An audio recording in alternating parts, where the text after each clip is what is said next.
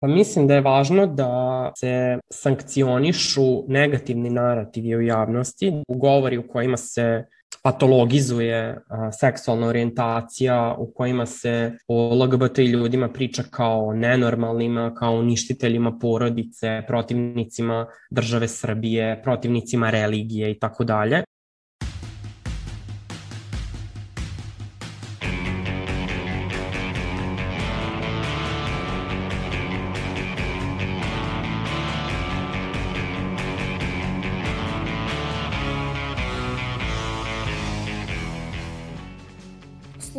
Podcast Reaguj nezavisnog društva novinara Vojvodine. Moje ime je Iva Gajić, a na podcastu rade i Nemanja Stevanović, Sanja Kosović, Irena Čučković i Sanja Đorđević. U 61. epizodi govorimo o ženama na olimpijadi i generalno u sportu. Žene su se prvi put takmičile na olimpijskim igrama 1900. godine u Parizu. Od ukupno 997 sportista i sportistkinja, 22 žene su se takmičile u pet sportova. Ipak, Ove godine obeležava se tačno 100 godina od kada su održane prve ženske olimpijske igre 1921. godine u Monte Carlo. Jedna od glavnih osoba koja je zaslužna za ovo dešavanje je francuska veslačica Alice Mia koja je vodila glavnu borbu za učešće žena na ovom prestižnom takmičenju. Oko 100 sportistkinja iz Francuske, Velike Britanije, Norveške, Švajcarske i Italije takmičile se u atletskim disciplinama. Studentkinja Nikolina Ilić napravila je pregled istorijata žena na olimpijadi.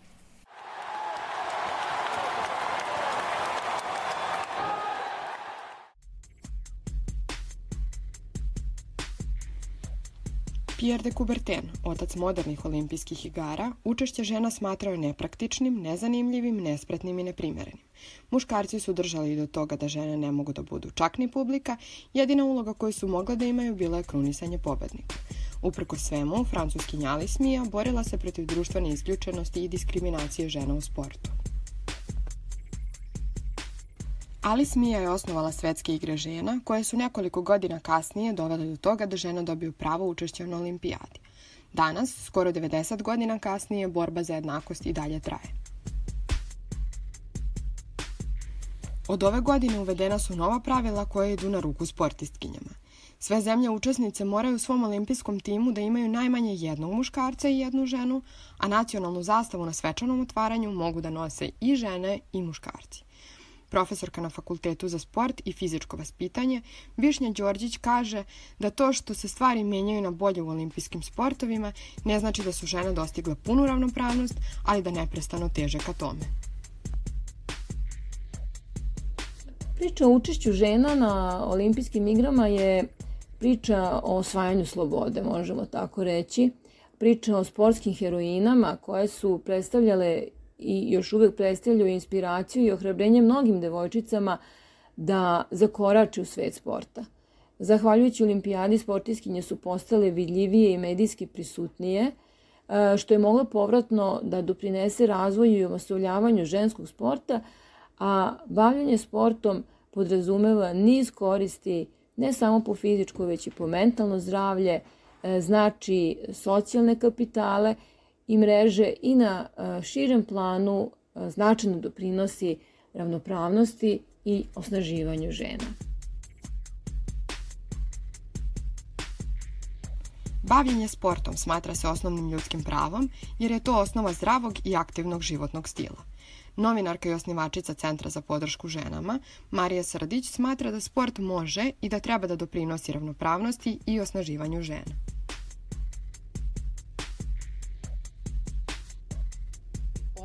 Se traži ne samo kroz e, olimpijski komitet, odnosno olimpijski pokret, već i kroz sve različite druge oblike e, ideje da se sport učini prostorom ravnopravnosti i to ravnopravnosti u odnosu na pol, rasu, uzrast i tako dalje. Prema rečima novinarke Marije Srdić, Mediji takođe mogu da učine veliku stvar, čineći muškarci i žene ne samo jednako vidljivim u medijima, već ih jednako tretirajući tako što će izbegavati seksizam, stereotipe i sve predrasude koje prate ženski sport. Mišljenja gledalaca olimpijade su podeljena, dok jedni kažu da žene ne mogu da budu podjednako dobre kao muškarci, drugi ipak staju na žensku stranu.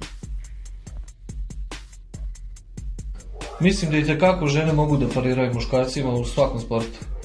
Nikad ne bi gledao sport gdje igraju žene, žene nek igraju folklor, balet, nek sviraju violinu, a ove dinamičnije i ozbiljnije sportove nek ostaje za muškarce.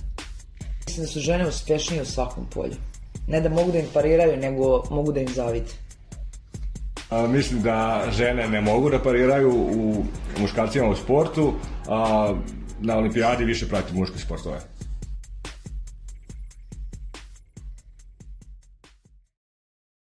Ove godine, nakon 100 godina, na olimpijadi učestvuje najviše takmičarki do sada, 48%.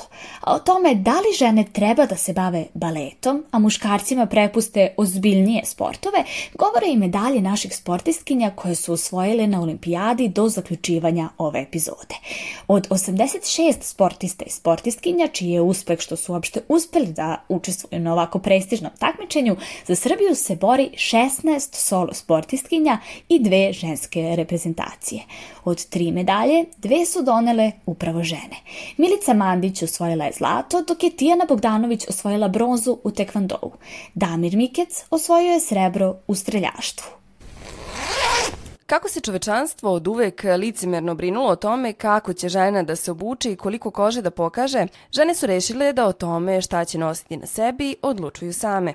Dok je Evropski sud pravde done odluku da se zabrani pokrivanje glave feređom, nikabom, hijabom i drugim verskim obeležima na radnom mestu ukoliko to narušava poslovanje preduzeća, pod pokroviteljstvom dušebrižnosti za navodno ugnjetavanje muslimanki, a pod plaštom očigledne islamofobije, predstavnice Nemačke na olimpijadi donele su odluku da svoje trikoje zamene dugim rukavima i nogavicama koje su na ovom takmičenju dozvoljene iz kulturnih i religijskih razloga, na ovaj način boreći se za udobnost i protiv seksualizacije ovog sporta. Sa druge strane, na Evropskom prvenstvu u rukometu na pesku za žene, koji je ove godine održan u Bugarskoj, norveška reprezentacija odlučila da umesto uskog bikinija obuče šorceve, iz istog razloga kao i nemačke koleginice, boreći se protiv seksualizacije sporta. Umesto podrške od Evropskog rukometnog saveza dobile su kaznu 150 evra po glavi, odnosno 1000,5 evra za tim, a kaznu je ponudila da plati američka pop pevačica Pink u cilju podrške. Kada je u pitanju slučaj norveške ženske rukometaške reprezentacije, nekadašnji selektor ženske reprezentacije Srbije i Crne Gore, kao i bivši član stručnog štaba muške reprezentacije Srbije, Zoran Ivić naglašava da je njihova odluka bila u potpunosti ispravna, što pokazuje i podrška javnosti koje su rukometašice dobile. Pa imam komentar ona isti koji su imale i ženska reprezentacija Norveške. Mislim da tu ne treba ništa menjati. Oni su nešto trebali da menjaju kad, kad su u pitanju dresovi, kad je u pitanju šorci. Lično mislim da, da to nije dobro. I zastupljam mišljenje norveške reprezentacije. Ispravno su postupili. To je po meni dobra odluka. A kada pričamo o jednakosti na olimpijskim igrama, Ivić ističe da je danas gotovo ista zastupljenost muškaraca i žena. Ipak, on naglašava da manje žena ima u samom Međunarodnom olimpijskom komitetu. Prisutnost je skoro 50%, 48,3% žena, što je dobro za ženski sport. Mislim da nisu zastupljene u tim strukturama, znači sad od 90 članova, od 96 članova Međunarodnog olimpijskog komiteta, mislim da ih ima 29, ali na dobrom su putu. Kako Ivić naglašava, osvojene medalje dokaz su upornosti žena da se izbore za ravnopravnost. Dobro je što je takav procenat, odnosno 50-50% i dobro je što je to prevaziđeno što je bilo ranije i što po meni govore sada i rezultati. Znači, osvojili smo tri medalje za sada, ja koliko vidim. Znači, dve u ženskoj i jedna u muškoj. Znači, znači, čak i zlatna medalja je osvojena i to govori samo o nečemu što je i olimpijski komitet predvideo i zahvaljujući upornosti žena, znači prepoznao i zahvaljujući tome e, ženski sport je najviše dobio. Ipak Ivić smatra da je popularnost muških i ženskih sportova jednaka, te kao primer daje Ligu šampiona i uvek punu dvoranu bez obzira na to da li igraju muškarci ili žene. Sve zavisi u kom rangu takmičenja. Budu usto žene u Ligi šampiona. Nikada, znači uvijek je bila dvorana puna. I svuda gde smo bili na, na tim utakmicama po Evropi, nisam vidio neku razliku u odnosu na muškarce kad se igra Liga šampiona. Znači, dvorane su pune Međutim, neke žene nailaze na razne probleme. Sanja Kosović je istraživala primer sportistkinje, koja nije trans, ali je zbog nivoa hormona diskriminisana. Sanja, kako se ova priča odvija? U avgustu 2009. godine 18-godišnja Semenja Kaster osvojila je svetsko zlato u trci u Berlinu, gde je 800 metara prešla za 1 minut i 55 sekundi. Posle toga, Međunarodno udruženje atletskih federacija, danas preimenovano u svetsku atletiku, objavili su da je Semenja predmet postupka rodne verifikacije, nakon čega je proglašena nepodobnom za takmičenje 11 meseci. Rezultati provere pola nisu nikada objavljeni. Semenja Kaster je rođenjem pravno identifikovana kao ženska osoba, a čitav svoj život se tako i identifikuje. Međutim, ona ima jedan od niza stanja poznatih kao razlike u polnom razvoju, što između ostalog podrazumeva da ima prirodno povišen testosteron. Svetska atletika se menju u pravnim postupcima kontroverzno naziva biološkim muškom osobom. Mada su je naredne godine dozvolili opet da se takmiči, već 2011. godine Svetska atletika najavljuje da će usvojiti nova pravila koja će regulisati podobnost žena sa hiperandrogenizmom. Ta odluka podrazumevala je da postoji gornja granica za nivo testosterona kod žena, a da je svim učesnicama sa testosteronom iznad te granice potrebno da uzimaju hormone za snižavanje istog.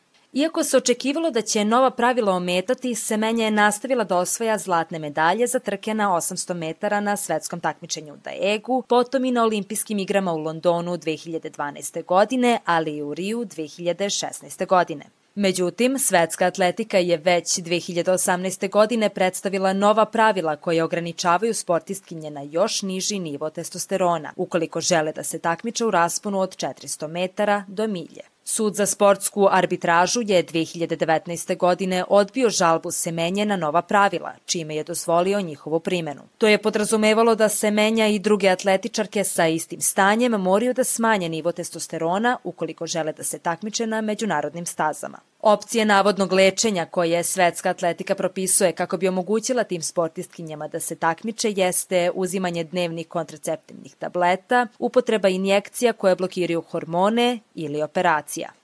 Mada se menja ne sme da se trka na stazama od 800 metara, po čemu je i poznata, iznenađujuće dozvoljeno joj je da se trka na 5 kilometara. Svetska atletika odlučila je da sprovodi pravilo održavanja nivoa testosterona samo za trke na stazama od 400 metara do jedne milje, izazivajući kritike da su propisi posebno dizajnirani i da ciljaju na nju zbog njene dominacije. Kako prenosi Associated Press, danas 30-godišnja Semenja i dalje nastavlja da osporava donetu presudu, a svoj slučaj predala je Evropskom sudu za ljudska prava. Međutim, taj proces verovatno neće biti završen mesecima. Na olimpijadi učestvuju i transrodne osobe. Više o tome slušamo u prilogu studenta Igora Mudrog.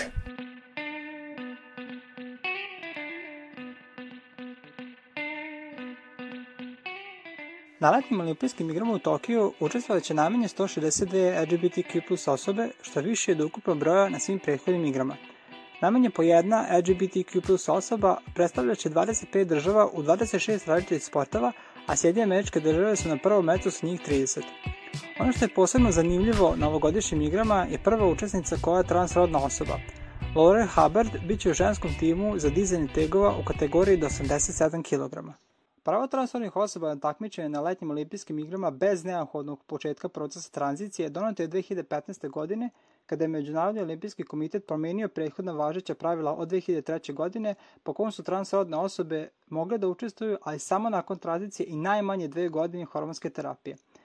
Iako za transrodne muškarce ne postoji niti jedno pravilo zbog kog ne bi mogli da učestvuju, kod transrodnih žena postoji nekoliko da osoba koja se autuje kao trans žena ne može da promeni to naredne 4 godine kada reč o sportu, da nivo testosterona, to je hormona koji povećava mišićnu masu, mora da bude ispod propisanog najmanje 12 meseci pre takmičenja i da ostane ispod tog nivoa tokom tog perioda i perioda učestvovanja.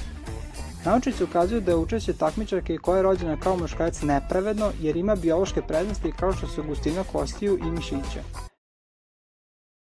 Koordinator programa rada sa zajednicom u grupi Izađi, Aleksa Savić, za podcast Reaguj prokomentarisao je navode da učešće transrodnih osoba koje su u procesu promene pola u ženskim kategorijama na sportskim takmičenjima nije fair prema ostalim učesnicama. Razumemo dakle dolazi a, ta briga i meni lično a, izuzetno važna ravnopravnost žena u društvu ali ono što se tu previđa jeste da a, nijedna osoba koja je transrodna i koja a, pristupa procesu prilagođavanja pola a, zapravo, mislim, ne radi to da bi bila uspešna u sportu. Znači, to je jedan ekstremno težak proces i mentalno i fizički i socijalno i a, odluka da se u tako nešto uđe je nešto što se redko čime može porediti. Mislim da je važno da svako ko suđuje učešće transrodnih osoba a, u sportu da se upozna sa time kako izgleda tranzicija i koji su razlozi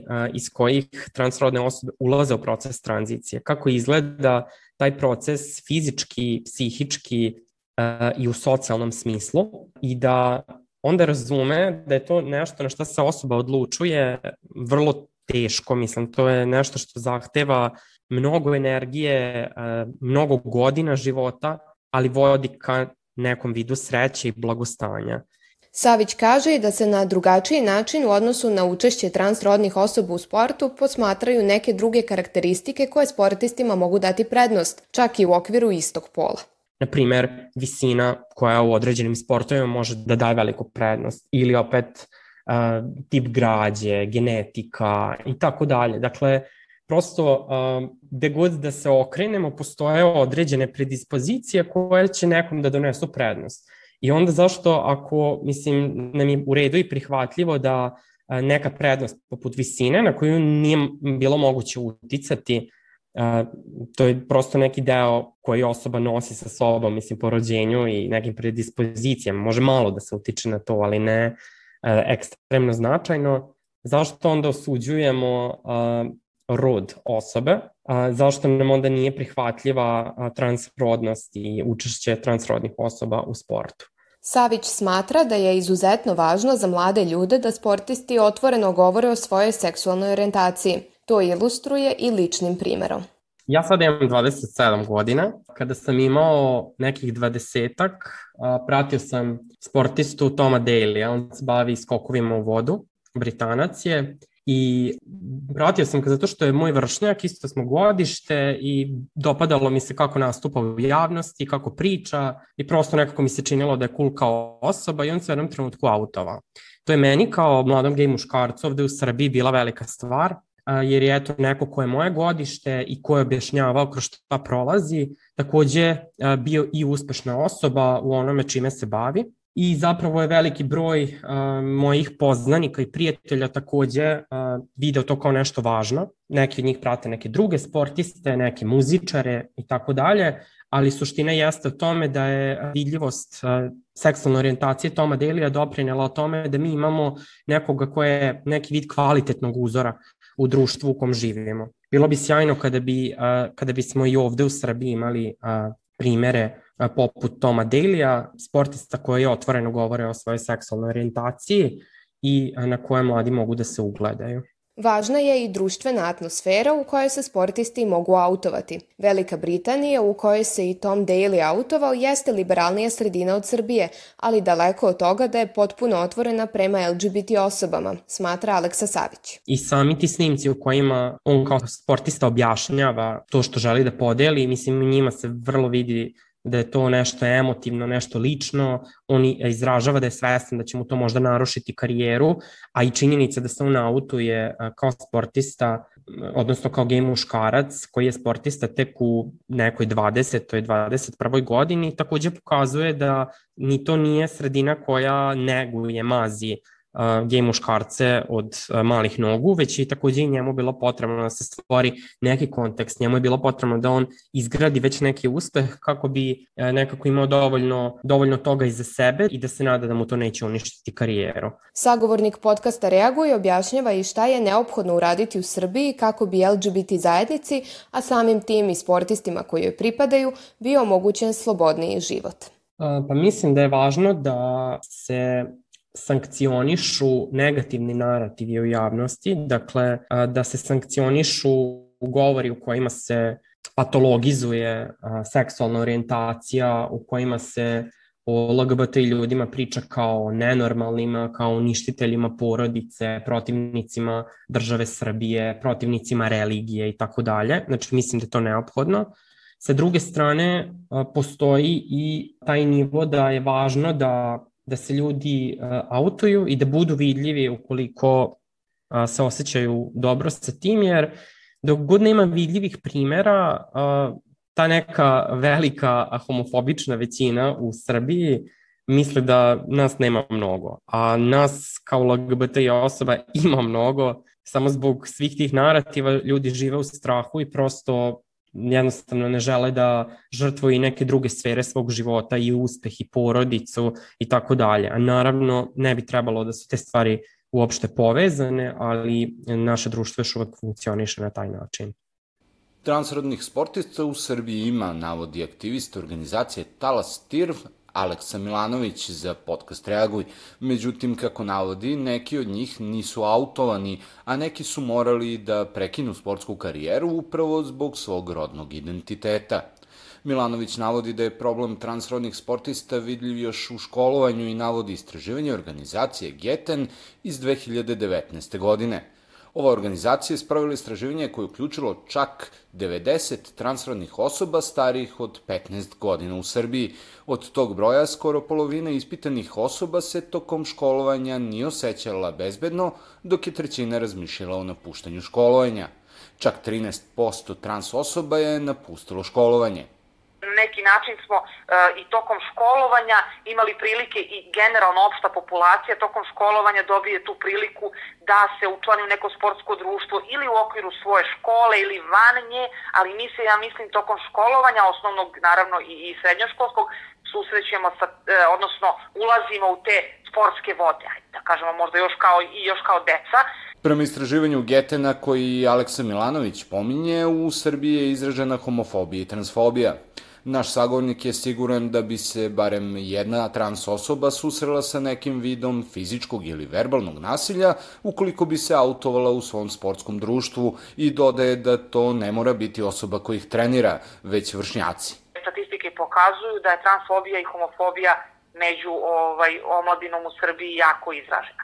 Tako da su to neke te prve prepreke sa kojima se transrodne osobe susreću ukoliko žele da se bave sportom, je to da kažem, e, autovanje, odnosno ovaj, priznanje svog rodnog identiteta i razgovor o svom rodnom identitetu koji će ovaj, reći svojoj okolini, dakle, odnosno e, vršnjakinjama i vršnjacima sa kojima treniraju, zatim osobama koji treniraju, dakle, tom nekom okruženju. Međutim, tu se ne završavaju problemi trans osoba u sportu, navodi transaktivista. Jedan od problema glavnih je, ako želite da odete u neku teretanu ili ovaj, neko sportsko društvo u kojem postoje slačionice, znači za muškarce i za žene, ovaj, postavlja se pitanje ako ste transrodna osoba, e, ukoliko niste u procesu medicinske tranzicije, koju slačionicu ćete izabrati ili čak i ako ste u procesu medicinske tranzicije u koju slačionicu ćete ući i kako će vas e, osobe koje su u toj slačionici tretirati. Postoji naravno uvek strah od nasilja fizičkog i verbalnog ovaj, koje je naravno postaknuto transfobijom koja je jako zastupljena u našem društvu. Kada je reč o takmičenjima trans osoba, čuli smo na koje probleme ne ilaze. Aleksa Milanović navodi da od pravila i ciljeva igre zavisi uspeh onih koji u njima učestvuju. E, trans osobe sigurno nisu pisale pravila i određivale ciljeve, u sportu, tako da se mi prilagođavamo onome što nam je nametnuto i to ne samo u sportu, već i generalno u životu, unutar kultura i unutar institucija koje pretpostavljaju da postoje samo dva pola, odnosno dva roda i koje nam da, zapravo taj pol i rod, kao što sam rekao, određuju po rođenju na osnovu tih nekih bioloških karakteristika, pa nas smeštaju u jednu od te dve kategorije. I kada mi, da kažem, se autujemo i svoje rodno određenje, dakle, suprotstavimo tom nekom nametnutom, koje nam je dato, naravno ovaj, očekuje se da ćemo želiti da participiramo u onim aktivnostima kojima želimo da participiramo, naravno u grupama u čiji se osjećamo da smo deo. Milanović navodi da postoji nepravda, mizoginija i seksizam u medijskim i javnim sferama kada je u pitanju veličenje sportista, dok se o sportiskinjama govori kao o damama i pretpostavlja da su slabiji pol. Sa druge strane, isticanje da su trans žene problem u sportu je problem sam po sebi, jer se ne postavlja pitanje, navodi Milanović, šta su one prošle od autovanja pa do medicinske tranzicije. Stalno se ističu te neke fizičke predispozicije i prednosti koje trans žene imaju, dok se potpuno zanemaruju prepreke sa kojima su se te trans žene susretale celog života i sa kojima se i danas susreću svakodnevno, dakle. E, tako da u suštini treba uzeti u obzir i te prepreke sa kojima se one susreću, a pritom ovaj, neka istraživanja čak pokazuju da zapravo nije tačno da uopšte ovaj, sve trans žene imaju fizičke, e, da kažem, neke bolje predispozicije, ovaj, zahvaljujući tom nekom nivou testosterona koje su ranije imale. Aktivista Aleksa Milanović navodi da je klasno pitanje ono koje treba da se postavlja. Kako kaže, treba govoriti o uslovima u kojima sportisti i sportistkinje širom sveta treniraju i da li su imaju jednake uslove za istu vrstu treninga. Sport Milanović vidi kroz prizmu Pjera de Coubertena, osnivača modernih olimpijskih igara i kaže da svi treba da imaju iste šanse da učestvuju bez obzira na pol i rod, jer u startu biološki su svi drugačiji. Naša tela su različita. Ja mislim da ne postoje na svetu dve osobe koje imaju identična tela u anatomskom nekom smislu i, i verujem da mislim, e, ovaj, bi trebalo ići u smeru, ako već se određuju neka pravila, u, u nekom smeru e, u koji će uključiti sve osobe gde se niko neće osetiti, da, da kažem, izbačenim ili izbačenom, izostavljenom, e, dakle, iz uh, takmičenja ili participiranja. Mislim, ne znam da li po meni sport ne bi trebalo da bude uh, ovaj pitanje samo te neke, da kažem, nadmetanja radi pobede. Za mene sport od uvijek bio nešto mnogo više. Sanja Đorđević je razgovarala sa filozofima bioetičarima na ovu temu. Sanja, koji je njihov stav u vezi ovoga? Pa Iva, profesor etike na Filozofskom fakultetu u Beogradu Jovan Babić navodi da je sa moralne tačke gledišta glavno da nema nikakve diskriminacije. Princip univerzalnog poštovanja nalaže moralnu ravnopravnost svih osoba, ali iza toga ne sledi pravo na privilegije. Kakva prava imaju transrodne osobe zavisi od definicije transrodnosti, a značaj takvih definicija zavisi od mnogih faktora, političke mode, frekventnosti, raznih slučajnosti, stvarnih mogućnosti na terenu i tako dalje. Kao što smo videli kod dekriminalizacije homoseksualnosti. Što se sporta tiče, objašnjava profesor Babić, tu je stvar konvencije. Sport nije vitalna ljudska potreba, već spada više ili u razonodu ili u domen ispitivanja granica ljudskih mogućnosti. To se naročito jasno vidi u pitanju da li je važnije pobediti, što ne mogu svi, ili učestvovati, što svi mogu ako hoće. Tako da ta funkcija kriterijuma pravičnosti nije sasvim jasna i lako ustanovljiva i još teže primenjiva. Na primer, moglo bi se postaviti pitanje zašto se uopšte razdvajaju grupe takmičara, na primer žene i muškarci. Zašto se ne takmiče zajedno ako je cilj da se vidi ko je najbolji, a svi su po pretpostavci nejednaki, inače se ne bi takmičili? I onda je pitanje da li transrodne osobe treba da se takmiče izdvojeno ili ne. Filozofi ne smeju da se opredeljuju niti da postanu propovednici. Zato njihova obrazloženja nemaju šansu da postanu atraktivni stavovi u žaru diskusije o temama koje se i onako artikulišu uveliko po inerciji. Ono što ostaje kao neki zaključak jeste da je svaka diskriminacija moralno neopravdana, ali i da privilegija kao i pokušaj da se one dobiju bez adekvatnog pokrića takođe mogu biti neopravdane, naveo je profesor Babić u pisanom odgovoru za Reaguj.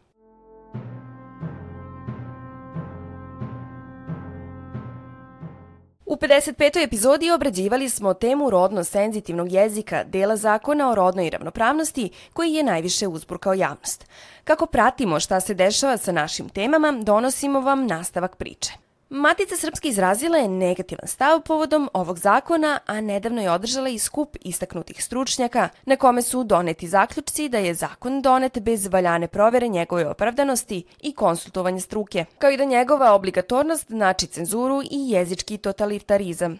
Srpski ustav ne prepoznaje pojam rodna ravnopravnost jer navodi da država jemči ravnopravnost žena i muškaraca i razvija politiku jednakih mogućnosti, što znači da umesto roda treba da stoji pol koji matica prepoznaje kao gramatički.